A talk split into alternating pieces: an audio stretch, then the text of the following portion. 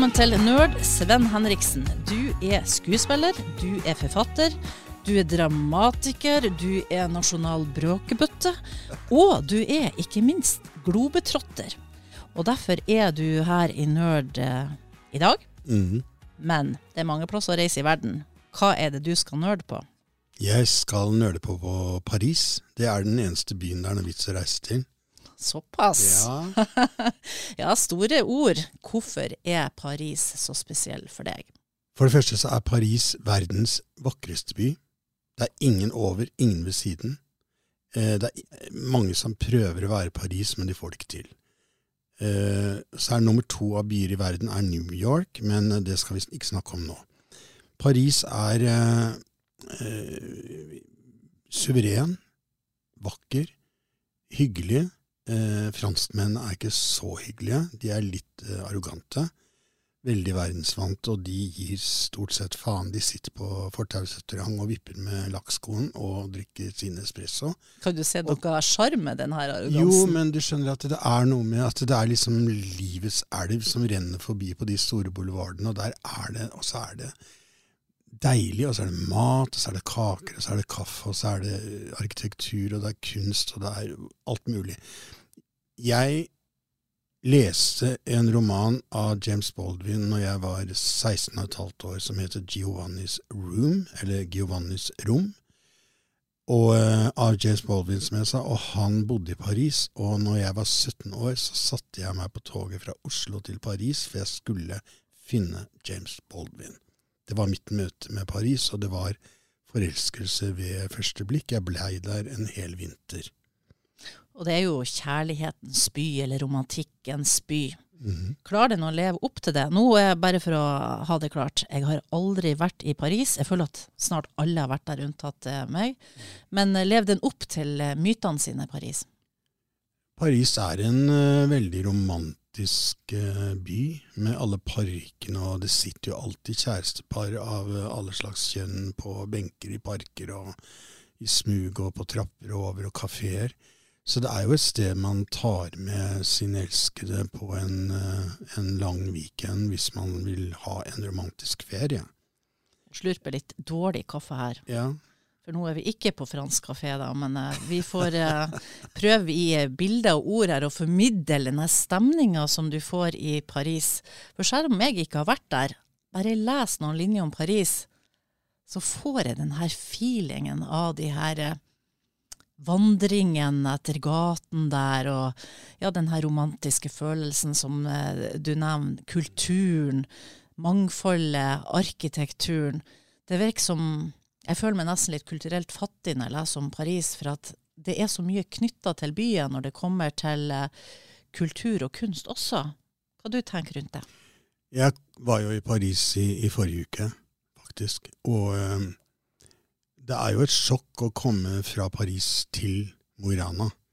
For eh, når du er i Paris, så føler du at du er på en måte midt i verden. Du, du, det blir liksom ikke mer sentralt.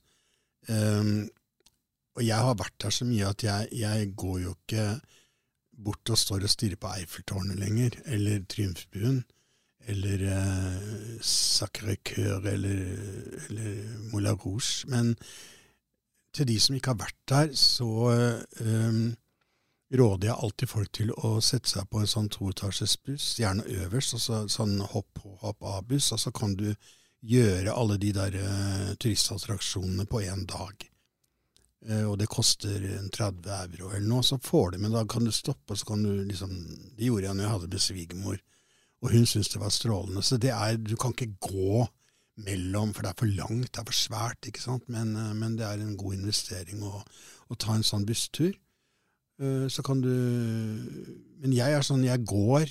Nå var jeg der en uke, og jeg gikk vel en 25 000 skritt hver dag. Og da går jeg ut om morgenen, spiser frokost, så går jeg, og så stopper jeg og tar litt kaffe, og så stopper jeg litt til eh, litt seinere og tar en kaffe og en kake, og så går vi, og så er det middag, og så på hotell og hviler litt, og så er det ut og gå igjen. Og så eh, blir man bitte litt eh, tynnere og litt klarere, og ja, Paris er vidunderlig. Men den er jo forskjellig fra våren sier alle er det vakreste, da har jeg så pollenallergi at jeg orker ikke å være der. Harry's in the spring heter Ja, jo. ikke sant. Eh, Men eh, sommeren er veldig varm. August er grusom varm. Jeg har vært der og skrevet faktisk eh, halve Svartabjørn for Nordland Teater. Da satt jeg i Paris eh, i, i 38 varmegrader og bare vifta meg og Ikke sant. Eh, høsten er nydelig. Vinteren er eh, fin. men jeg foretrekker høsten nå, hvor du fremdeles kan sitte litt ute. altså Kanskje ikke nå, men i forrige uke kunne man det. Og, og spise. Du kan sitte en times tid ute uten å, å bli kald. Apropos spis. Mat og drikke, er det noe mer enn snegle og fransk løksuppe i Paris og opptriv? Det er den maten som ikke er, du finner i Paris, fins ikke.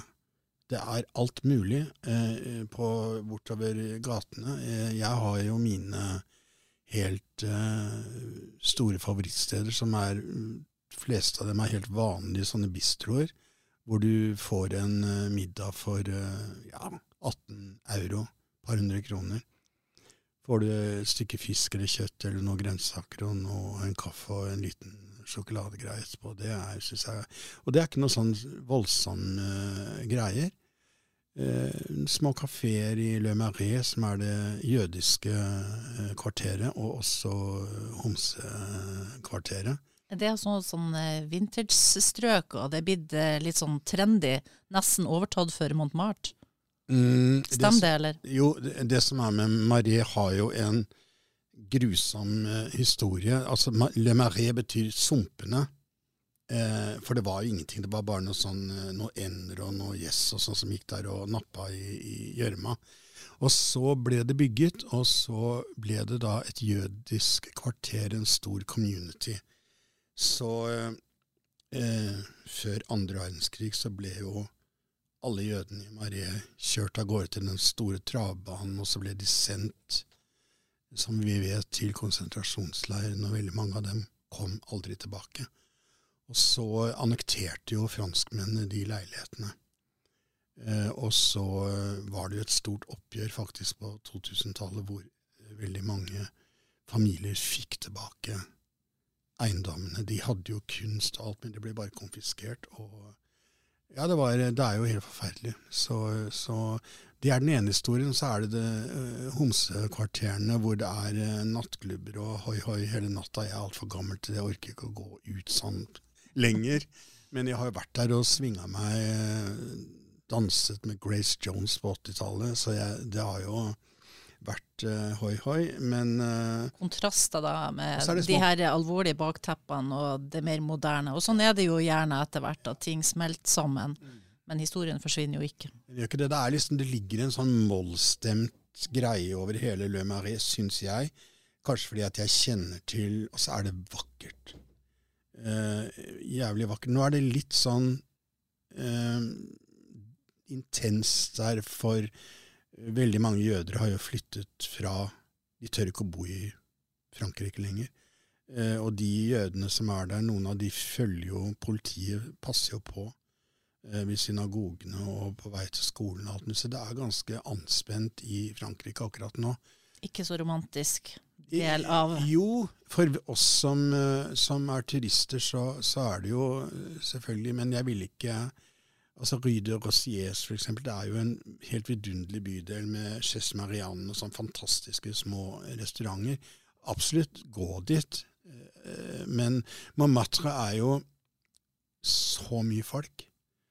Eh, og i turistsesongene er det jo helt ulevelig, men på en måte så er det en del av Montmartre som turistene ikke har oppdaga. Det er liksom det man kaller for landsbyen, hvor det er liksom litt på baksida. Der er det over kuren, altså ned på andre sida er, er det mye roligere. Der er det veldig mye sånn lokale folk, og jeg har jo venner i Paris som har introdusert meg til sånne steder hvor du ikke finner fram, for du tror ikke det er noe der, så er det det. Har du klart å bli venner med de her utilnærmelige franskmenn? Ja, noen. Jeg har eh, noen veldig gode venner i Paris. Eh, Og noen som er halvt norske og, og, og halvt franske, og halvt både det ene og det andre. Mm.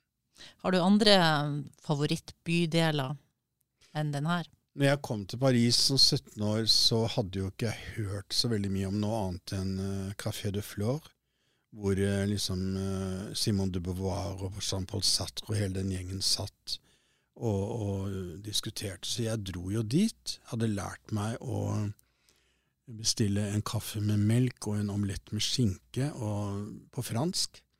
Så jeg stotra fram det, og kelneren svarte på engelsk og ristet på hodet, ikke sant. men, eh, men, det er Saint-Germain-du-Pré, som er eh, på den pene siden, da, hvor det er elegant og dyrt. Og der er det veldig fint. Og der ligger en stor eh, park som heter Jardin Luxembourg, eller Luxembourgparken, eller Hagen, som jeg går til hver eneste gang i vinter som sommer og vår og høst, og der sitter du i de grønne, deilige stolene og ser, og ser utover eh, fontenen og alle blomstene og noen enorme trær. Og der går franskmennene i lunsjen og sitter der og, og spiser mat de har med seg. Der uh, hender det vel kanskje at uh, menn møter elskerinnene sine i smug og litt av hvert, men, men, det er nydelig, nydelig, nydelig. Det er som en vakker eh, Frognerpark i størrelse. Er det turistfelle i Paris? Vi har jo nevnt de her typiske turistattraksjonene. Noen som sa til meg før jeg skulle møte deg, ikke spør om uh, Eiffeltårnet. Det er så klisjé. Men er Eiffeltårnet og de her typiske turistattraksjonene verdt å få med seg? Det syns jeg. Altså, Eiffeltårnet er jo vakkert, og det er enormt stort når du kommer nær. Uh, yes, men altså, det som jeg har lært meg når jeg reiser i store byer, er å gjøre ting tidlig på dagen, før folk kommer seg helt på beina.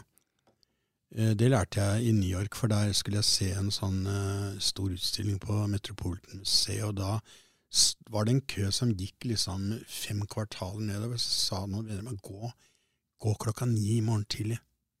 Og Da kom jeg rett inn, og det kan du gjøre i Paris òg. Eiffeltårnet jo, står jo ute i friluft, men det er jo verre med, med f.eks. hvis du skal inn i Louvre, så er jo det et helvete. Da må du jo for det første bestille billetter, og så må du stå i kø. Hvis du skal se Mona Lisa, jeg syns ikke det er verdt det verken pengene Det er jo bare bitte lite maleri bak et glassvegg som det står masse Hun smiler jo ikke ordentlig heller. Ja, nei, hun gjør ikke det. Hun er, hun er sur. ja. Og så står det masse asiater og hopper opp og ned og tar selfie med Mona Lisa. Det er ikke noe gøy. Men uh, er det Moulin Rouge. Den står jo også ute i friluft. Den kan du jo stå og se på. Det er en rød vindmølle, og så er det den restauranten.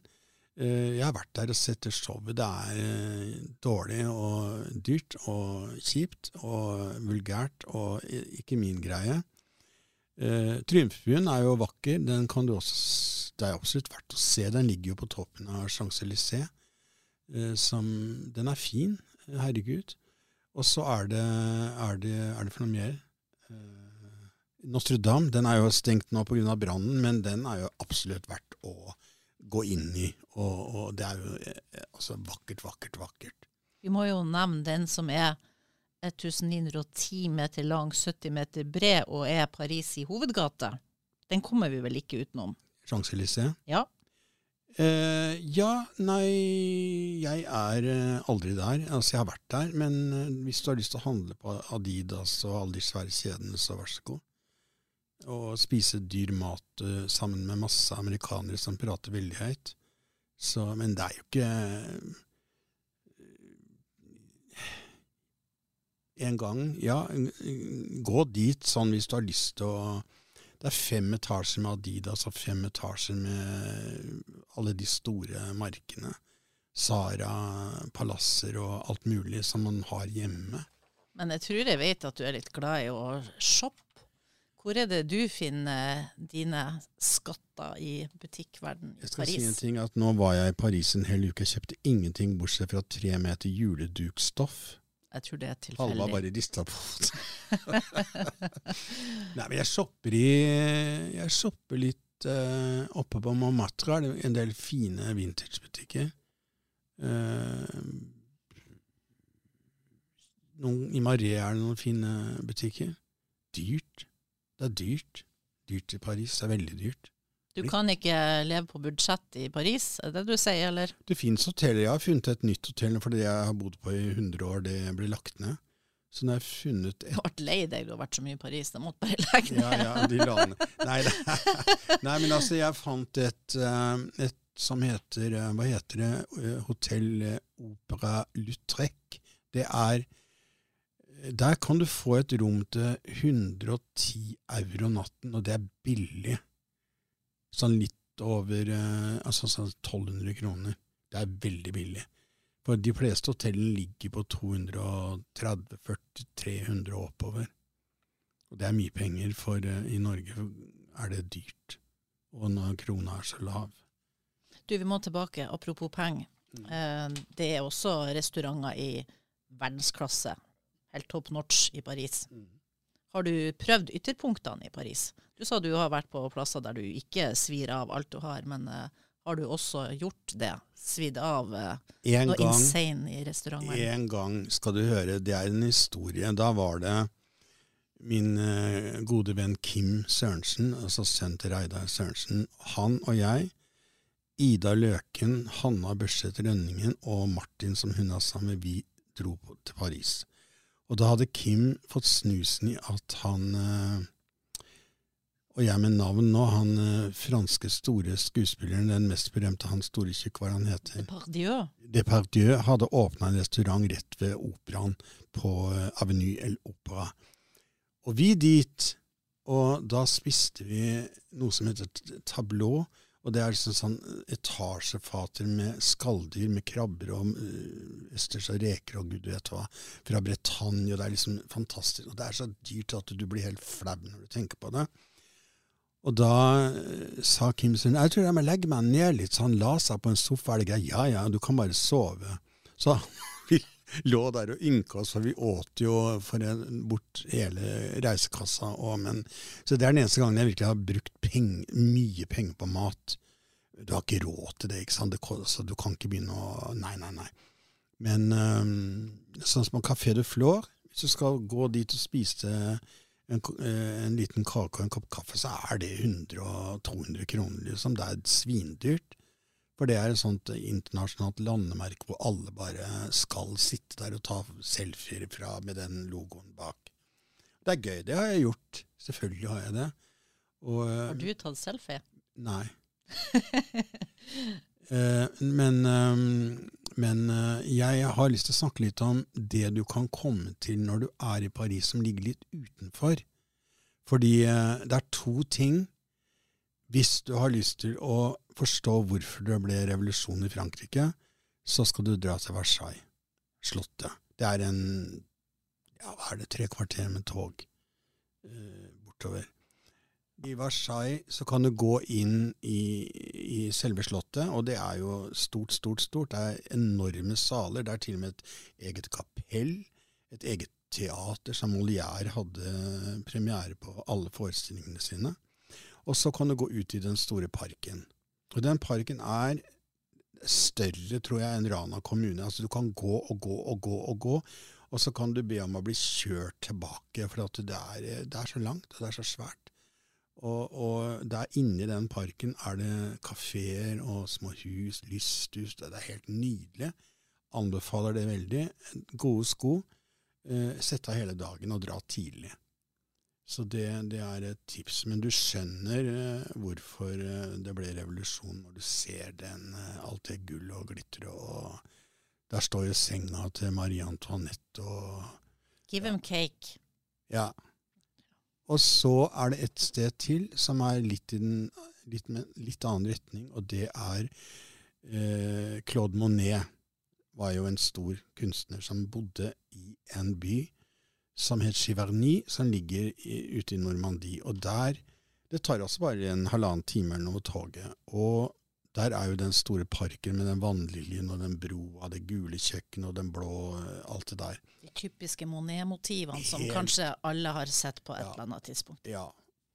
Og der ute er det eh, et lite hotell du kan bo på, i en nydelig park hvor det går høner og gjess og alt mulig rundt og tripper og nipper i gresset. Og hele den derre altså Når jeg tok med svigermor dit når hun fylte 70 år, så satte hun seg ned på en benk, og så sa jeg hva du syns, svigermor? Jeg, jeg tror jeg må skrike litt, sa.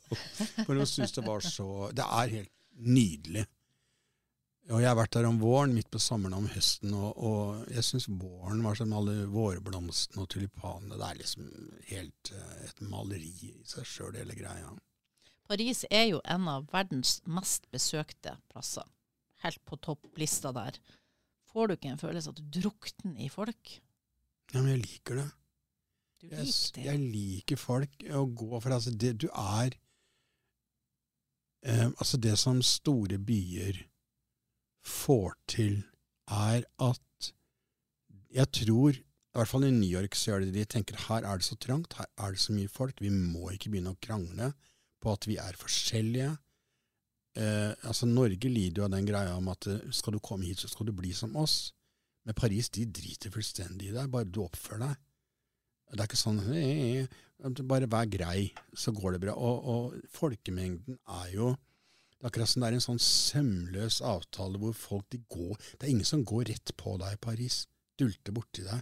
Det, det er sånn, en sånn gruv rytme langs fortauene i de folkemengdene, og det er ganske deilig. Men jeg har hørt at alle biler skal ha en bungel i Frankrike.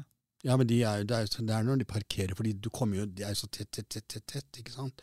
Og, og, men de kjører ikke så veldig fort i den byen, for det går jo ikke, for det er så folk og alt mulig overalt. Så uh, det er verre i Roma. Jeg hørte at man kan stå på Triumfbuen og se på selve trafikkbildet, at det var en greie i seg. Ja, det er jo en sånn stjernemønster ut i alle, en, ja, i alle retninger. Men du liker best, ja, du har jo heller ikke sertifikater, men du eh, liker best å eh, bruke apostlenes hester mm. i Paris. Mm. Men du kan komme deg greit eh, rundt med f.eks. metro, eller hvordan mm. beveger man seg rundt? Nei, altså Hvis du har rota deg veldig veldig langt unna, så, så kan du jo ta metroen tilbake. Eller busser. Jeg tar begge deler. Det er ikke alltid jeg orker når jeg, hvis det blir har gått for lenge. Skal vi snakke litt om de kulturelle tilbudene? Har du tatt for deg noe av uh, ja. de scenene som finnes? Det regnes jo som et jazzsenter, Paris blant annet. Det er eh, Teater er det masse små teatre. Det er jo et lite teater som spiller eh, eksperimentelt teater. Der, eh, så er det jo operaen. Garnier, den gamle, der er det mest dans. Eh, ballett og sånn. Og så er det den nye operaen som ligger på plass til la Bastille. Der er det jo moderne eller andre ting. Så opera, opera, synging. Um, så jeg, går jeg litt ofte på et teater som heter det husker jeg ikke i farta hva heter. Mogador heter det. Der er det musikaler. Der har jeg vært og sett uh, masse amerikanske musikaler på fransk. Det er ganske gøy, for de fraserer helt annerledes enn en engelske talene. Uh, jazzklubber uh, Altså, jeg har ikke vært så mye på sånne ting. Det må jeg innrømme. Jeg går, jeg, jeg Du skal jo tilbake, du må ha litt igjen. ikke sant? Du Kan ikke bruke opp alt på en gang. Ja, og så er det veldig Jeg er, skriver jo når jeg er i Paris. ikke sant? Så jeg er på en måte uh, Jeg står opp sånn veldig tidlig, og så skriver jeg. Drikker kaffe og skriver, og så går jeg la, la, la, la, lenge, lenge, lenge. Og så går jeg hjem, og så leser jeg hva jeg har skrevet. Så, så redigerer jeg, og så spiser jeg middag, og så går jeg, og så legger jeg meg.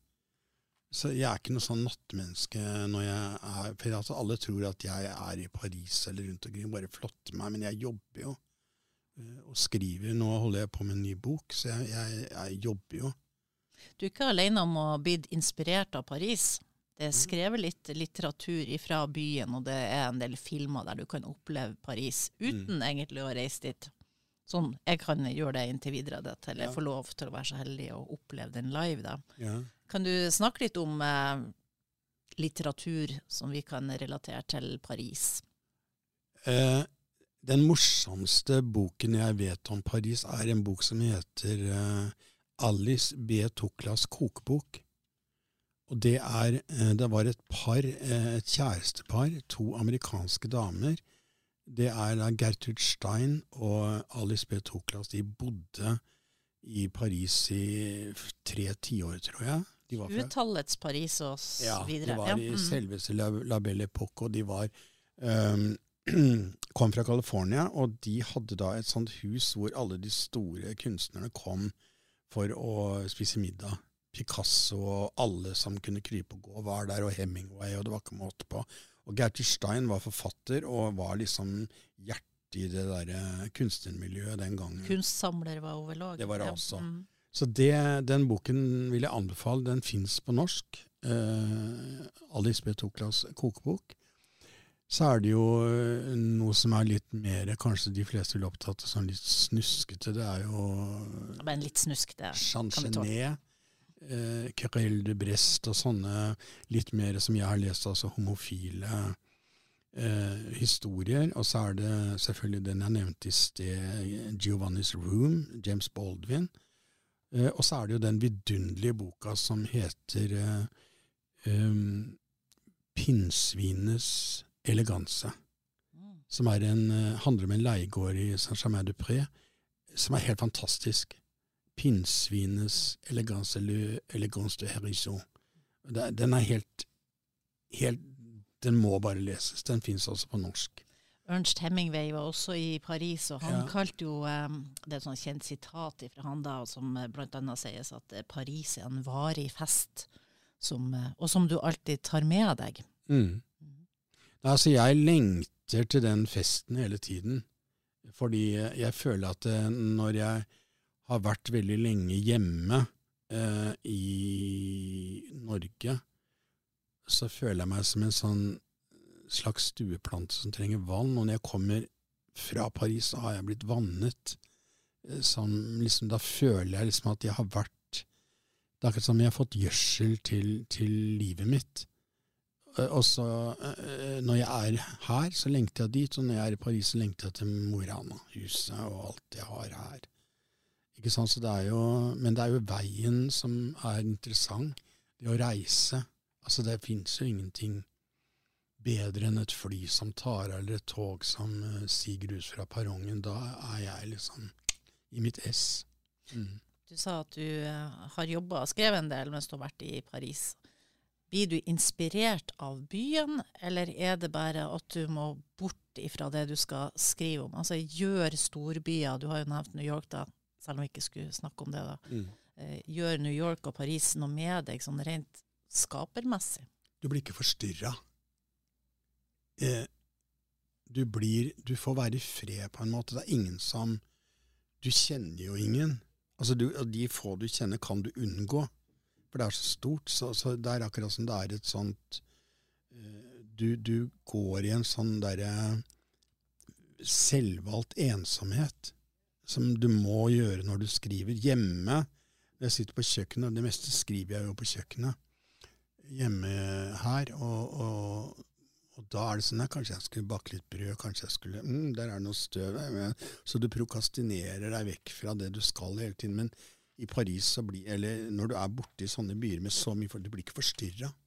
Du, du kan ikke begynne å bake brød når du bor på et lite hotellrom, eller andre ting.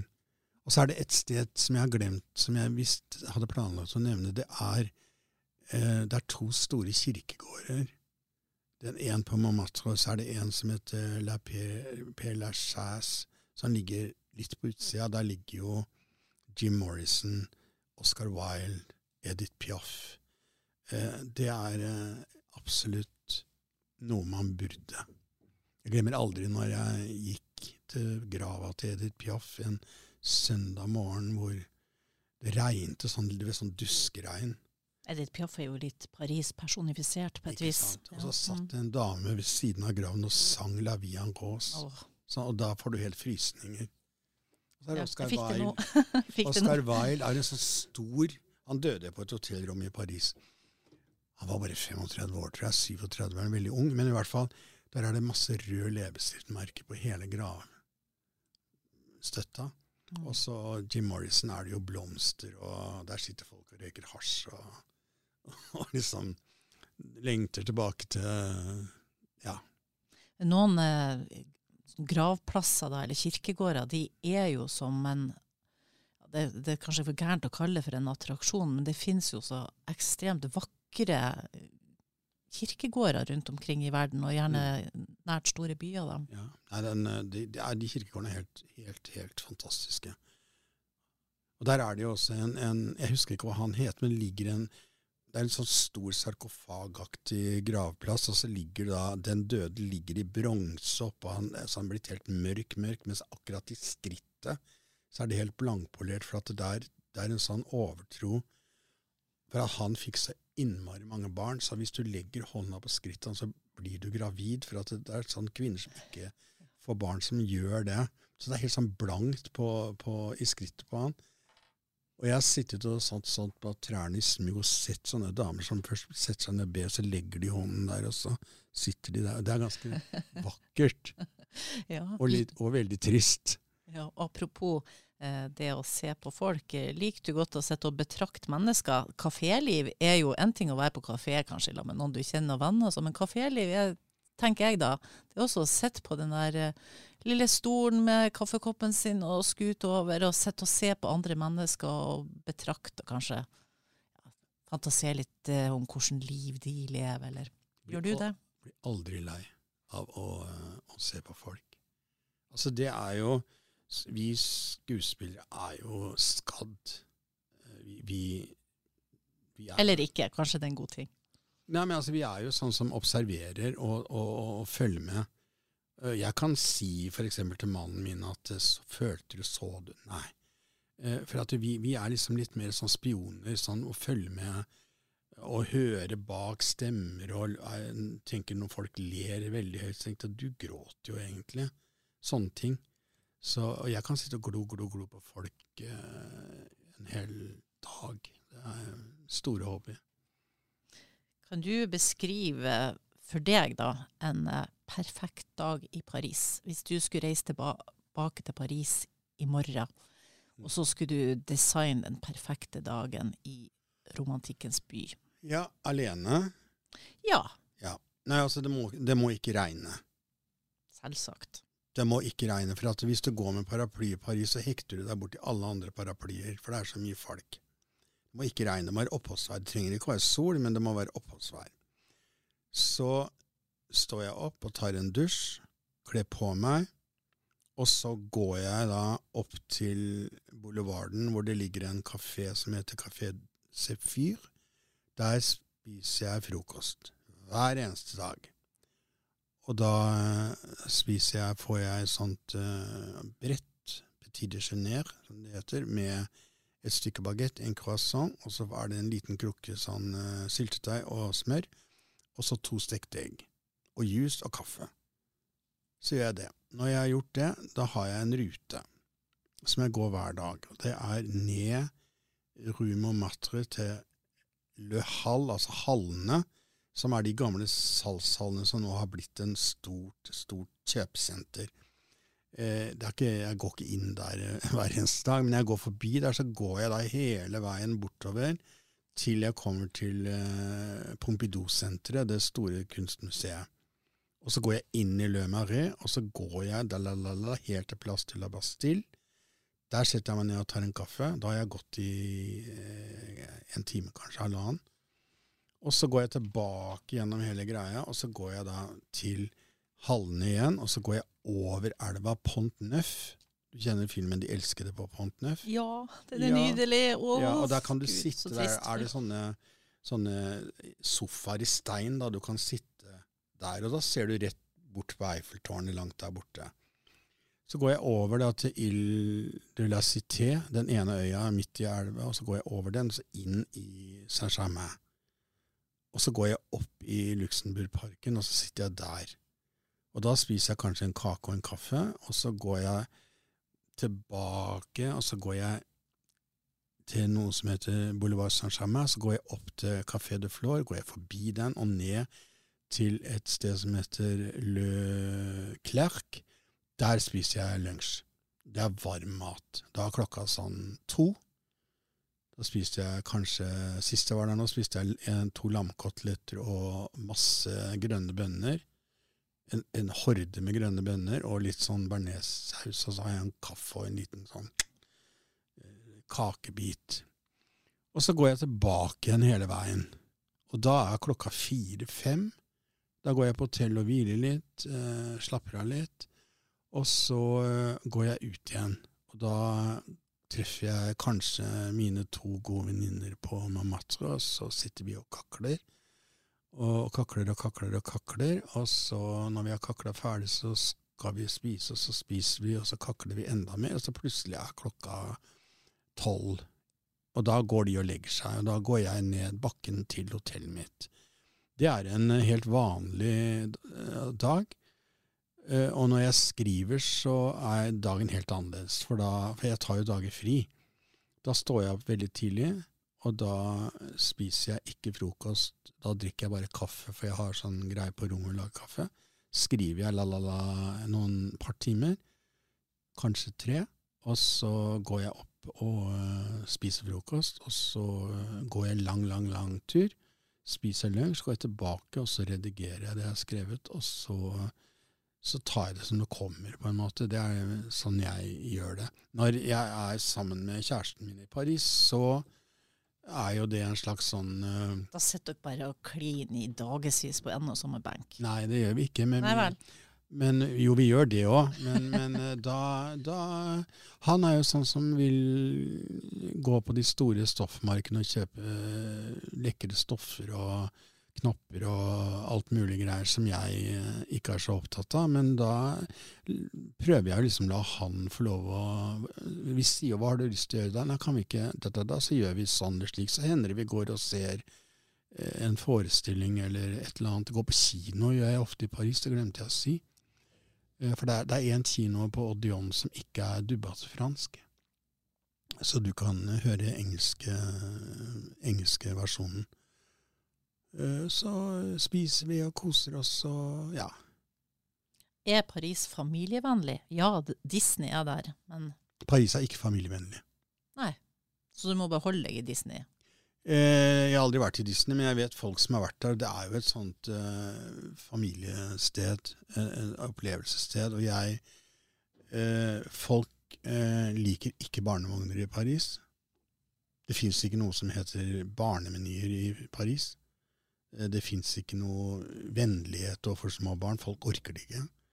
De er ikke som italienerne, som elsker unger. Ja, nei, Det er noe helt annet. De, der tyter de unger overalt, og det er jo glade vanvidd. Nei, Paris er Jeg vil ikke Jeg kjenner, og også har hørt barnefamilier som sa fy faen for en by. Folk er bare så sure når man kommer med barn, og kelnerne bare rister på hodet. og så sier jeg ja, men franske barn de løper ikke rundt i restaurantene med Kaptein Sabeltann sverd og hyler og skriker som man gjør i Norge.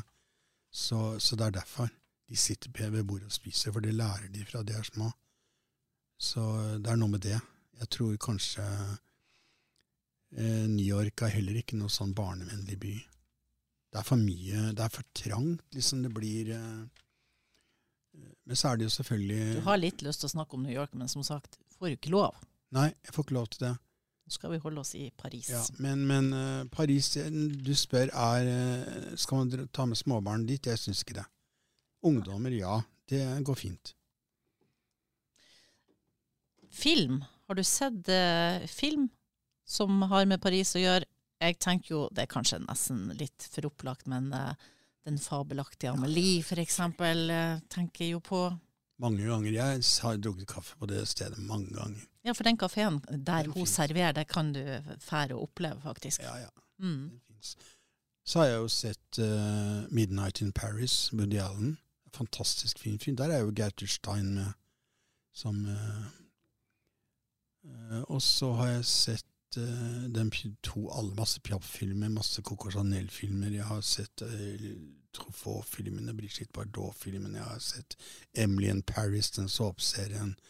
Jeg har uh, sett uh, den uh, Night on Earth er jo en, et av kapitlene fra Paris. Jeg har sett Chambeu Altså masse Herregud, jeg har sett en haug med franske filmer så, som har Paris som location. Har du lest Patrick Sysken, 'Parfymen'? Ja. Hvordan kan du si at Paris lukter?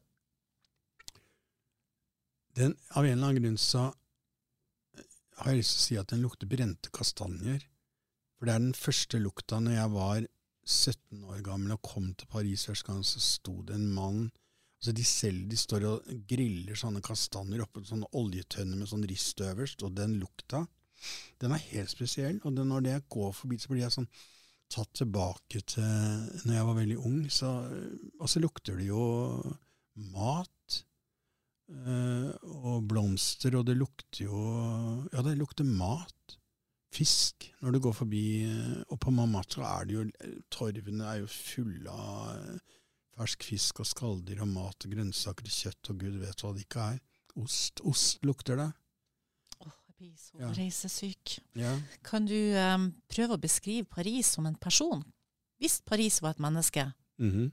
hvordan har du villet beskrevet det mennesket? Hvem er det du liksom møter? Altså, Paris er jo ikke bare ett menneske. Paris er mange mennesker som Altså, det, er, det kan være en pen, tilknappet, elegant frue. Eller en mann. Korrekt, lukket, arrogant. Det kan være en frivol, farveglad dame eller mann. Det kan være en en nydelig, svart, vakker mann. Det kan være en nydelig, svart, vakker kvinne. Det er jo masse folk fra koloniene som er franske, som bor der. Eh, og det kan være eh, Det kan være alt mulig. Er, eh, den er både og, og det er elendighet. Det er folk som bor på gaten. Det er uteliggere, det er narkomane, det er eh, Le Miserable. Le Miserable. Det er alt. Paris er som å se gjennom en sånn derre Hva heter sånn Ja, sånn-. Nei. Ja, nei, en sånn prisme hvor alt blir forvrengt. Ja. Så, så Paris er ikke bare ett, ett menneske, altså der, men den er alt. Det, i alle, altså det er litt sånn som alle store byer er det. De, det er på en måte kontraster. Og så er det områder hvor det er mer av det ene og mindre av det andre, og, og omvendt, selvfølgelig. Nå plutselig jeg forvillet meg inn et sted og tenkt oi, oi, her var det ikke spesielt hyggelig når jeg kom meg vekk herfra. For da, du merker at det er et sånt litt sånn eh, utrygt noen steder. Eh, og så er det andre steder hvor det er eh, Det er som Oslo òg. Altså der, eh, du ser jo byen forandre seg når du tar trikken fra Stovner opp til eh, Holmenkollen. Så skifter jo hele byen uh, identitet. Sånn er det i Paris Ja. Du nevnte at um, ja, skal jeg beskrive hvordan dagen min er hvis jeg reiser alene? Du reiser gjerne alene. Tror du at man eh, opplever en by som Paris annerledes når man er for seg sjøl, eller når man er i selskap med andre? Og er vi eh, flinke nok til å utfordre oss eh, på det å reise alene? Det som er fordelen med å reise alene, at du får jo Du trenger ikke ta hensyn. Du kan gjøre det du vil. Du kan sette deg ned hvor du vil. Du kan la være å sette deg ned. Du kan Du trenger ikke å gjøre noe heller. Du kan bare være. Og du trenger ikke å spørre liksom uh, Hva har du lyst til å gjøre i dag? Jeg går bare ut. Jeg tenker ja, ja, nå ser vi hva som skjer. Uh, og det liker jeg med å reise alene. Så er det også veldig hyggelig å reise med f.eks. kjæresten din eller gode venner, men det er en helt annen måte å reise på. Som en, som en, jeg har jo reist til Paris med en vennegjeng, og øh, det er veldig hyggelig, men det er jo også litt slitsomt. For øh, noen vil det, og noen vil det, og så kan det bli litt sånn Men øh, det har gått bra. Eh, Men jeg foretrekker kanskje best å reise alene eller sammen med min mann. Det, for vi på en måte kjenner hverandre så godt, så er, du merker med en gang når eh, den andre begynner å kjede seg eller ikke er helt komfortabel med eh, hva man gjør. Har du noen eh, perler du kan avsløre Perler? i Paris, Ja. som kanskje ikke er så mainstream, da? Eh, Altså Jeg har jo en kafé i Le Marais som Det er nesten ikke turister, og den heter Le Pic au Clop.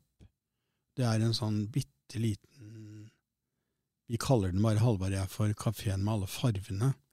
For det er så mye farver der inne, og så er det så mye stæsj. Men der er det sånn god, eh, enkel mat. Så kan du sitte på fortauet sånn på hjørnet der i Le Marais. Det er den der jeg kanskje er oftest, nesten hver dag. Og så er det en eh, Brebant, skrives det, og det, den ligger på eh, Boulevard Poissonnier, og der er det skalldyrrestaurant. og er, Der er det litt dyre, men ikke så jævlig dyrt. Men den er eh, fantastisk. Og så er det en som heter Chartier. Det er en sånn stor mathall hvor du kan spise. Og der er det så vakkert, men maten er helt jævlig. Men du må gå dit. Det er pent der. du, kan vi snakke om Le Chic, altså de store motehusene Ja. er jo knytta til Paris. Er det noe du merker i bybildet, at det er også en eh, motemetropol? Å ja. Eh, og det har også med områder å gjøre. Altså I Saint-Germain-du-Pré er det veldig mye elegante folk som kler i dyre klær. Og så er det der jeg bor, er det kanskje ikke så uh, skikt. Uh, og så i Le Marais er det mer sånn frikete. Uh, og, og på Montmartre så går jo folk bare akkurat som de vil, om de går med lampeskjerm på hodet, ingen som bryr seg. Uh, men det er klart at Paris er jo mote, motens mekka. De ligger jo, Hvis du går på Avenue Opera, for eksempel, der ligger jo, eller den uh, Rue Faubourg Saint-Honoré, der ligger jo motehusene. Hvis du, eh, du skal være ganske ha dagen for å gå inn der. Jeg husker en gang jeg tråkka rett inn på det hvite tepte til Per i gummistøvler. Det var ikke særlig greit. Eh, Da var det sånn Se hva katta har dratt inn, hva er dette her for noe, kom deg ut. Vanskelig å være bondetamp i Paris, kanskje? Ja, nei, men altså akkurat sånne steder, da mister jeg litt selvtilliten, for da merker jeg at jeg er veldig fra arbeiderklassen. så, eh, men, og jeg vegrer, men så har jeg gått inn og liksom og eh, Jeg husker en gang jeg kjøpte et skjerf fra, fra hun eh, Vivian Westwood. Og det kosta liksom 2000 kroner. altså Det går jo ikke an. Man gjør jo, vi har ikke råd til det. Sånn, men jeg kjøpte nå det skjerfet eh, bare for å ha gjort og opplevd å være inne i en sånn butikk. Men det er ikke de butikkene jeg går i. Men jeg elsker fashion. Eh, virkelig. Selv om Oscar Wilde sa jo om fashion at there must be something wrong with fashion since I have to change it twice a year. Så, nei, men jeg elsker mote. Klær jeg opptar meg veldig. Um, hadde jeg hatt masse penger, så skulle jeg kjøpt fine, dyre ting. Men jeg syns ikke ja, Det er jo egentlig bedre å kjøpe ting som koster lite grann, enn å kjøpe masse billig dritt. Skal man ikke undervurdere lengsel. Nei. Og, og lengsel er jo drivkraften. Hvor ofte har du vært i Paris? Hvor mange ganger har du på samvittigheten? Jeg vet ikke, men jeg tror jeg har vært i Paris Altså Hvis jeg sier jeg har vært der én gang i året da, i 50 år, så har jeg vært der 50 ganger. Men jeg har vært der mer enn én gang i året. Noen år. Jeg tror det ikke har vært Hvis du trekker fra de to årene på, med pandemien, så var jeg jo ikke der. Jeg tror jeg har vært der eh, jeg vet ikke, kanskje en 70 ganger eller noe. Du har i hvert fall ikke vært der siste gang. Nei, jeg håper ikke det. Nei, jeg, jeg, jeg, eh, jeg tenkte kanskje jeg får rekke en liten tur før jul, men jeg, jeg gjør ikke det. Men, men eh, jeg har vært mye i Paris. Jeg, jeg eh, Det er noe med den byen som Det er en feber i blodet, som Munch ville ha sagt. Du blir ikke kurert, Nei, og jeg ser ikke noe grunn til å det og vil ikke bli det, nei. Nei, det fins liksom ikke noe kur for Paris når du uh, Og jeg har aldri hatt med noen dit som har sagt liksom, nei, her likte jeg meg ikke. Det er, eh, det er noe magisk ved den byen. Er det sånn at uh, du på et vis kjenner Paris så godt nå at uh, du blir ikke overraska, eller du opplever ikke noe nytt når du har vært der så mange ganger? Eller er det fortsatt sånn at Paris overrasker deg? Uh, Paris overrasker jo. Den er jo ny hver gang, selv om den du har sett Men liksom det er, det er jo menneskene som skaper en by òg, og hvem du treffer, og, bare, altså jeg, jeg, er sånn som Når du møter fremmede øyne på gaten, så er jo det et sånt lite menneskemøte som på en måte løfter deg. Det savner jeg i Norge, at folk er så veldig litt sånn nedslått blikk. da. Du, du møter ikke noen altså Det som franskmennene er veldig gode på, at de anerkjenner deg når du kommer nær. Altså Å gå inn i en heis i Frankrike, det er helt utenkelig å overse et menneske inni en heis hvis man bare er to. I Norge så står man bare og stirrer ut i lufta. Uh, og det, det, er liksom noe med den respekten de har for at man sier god dag, ha en, uh, ha en fin dag, uh, god natt. Altså man, selv om man ikke kjenner folk når, de, når man går ut eller inn en dør og, og, og smiler, liksom. Det er, det er, du slipper ikke døra midt i fleisen på noen i Paris når du går ut av et sted. Men nå skal vi eh, ta døra i fleisen på deg, på sett og vis, for eh, da er vi kommet til veis ende når det gjelder denne podkasten. Men din eh, livsreise i Paris er på langt nær over, har jeg skjønt. For det her er en evig forelskelse for deg. Det er det. Tusen takk for eh, besøket, Sand Henriksen. Tusen takk selv. Eh, merci. Merci beaucoup, madame.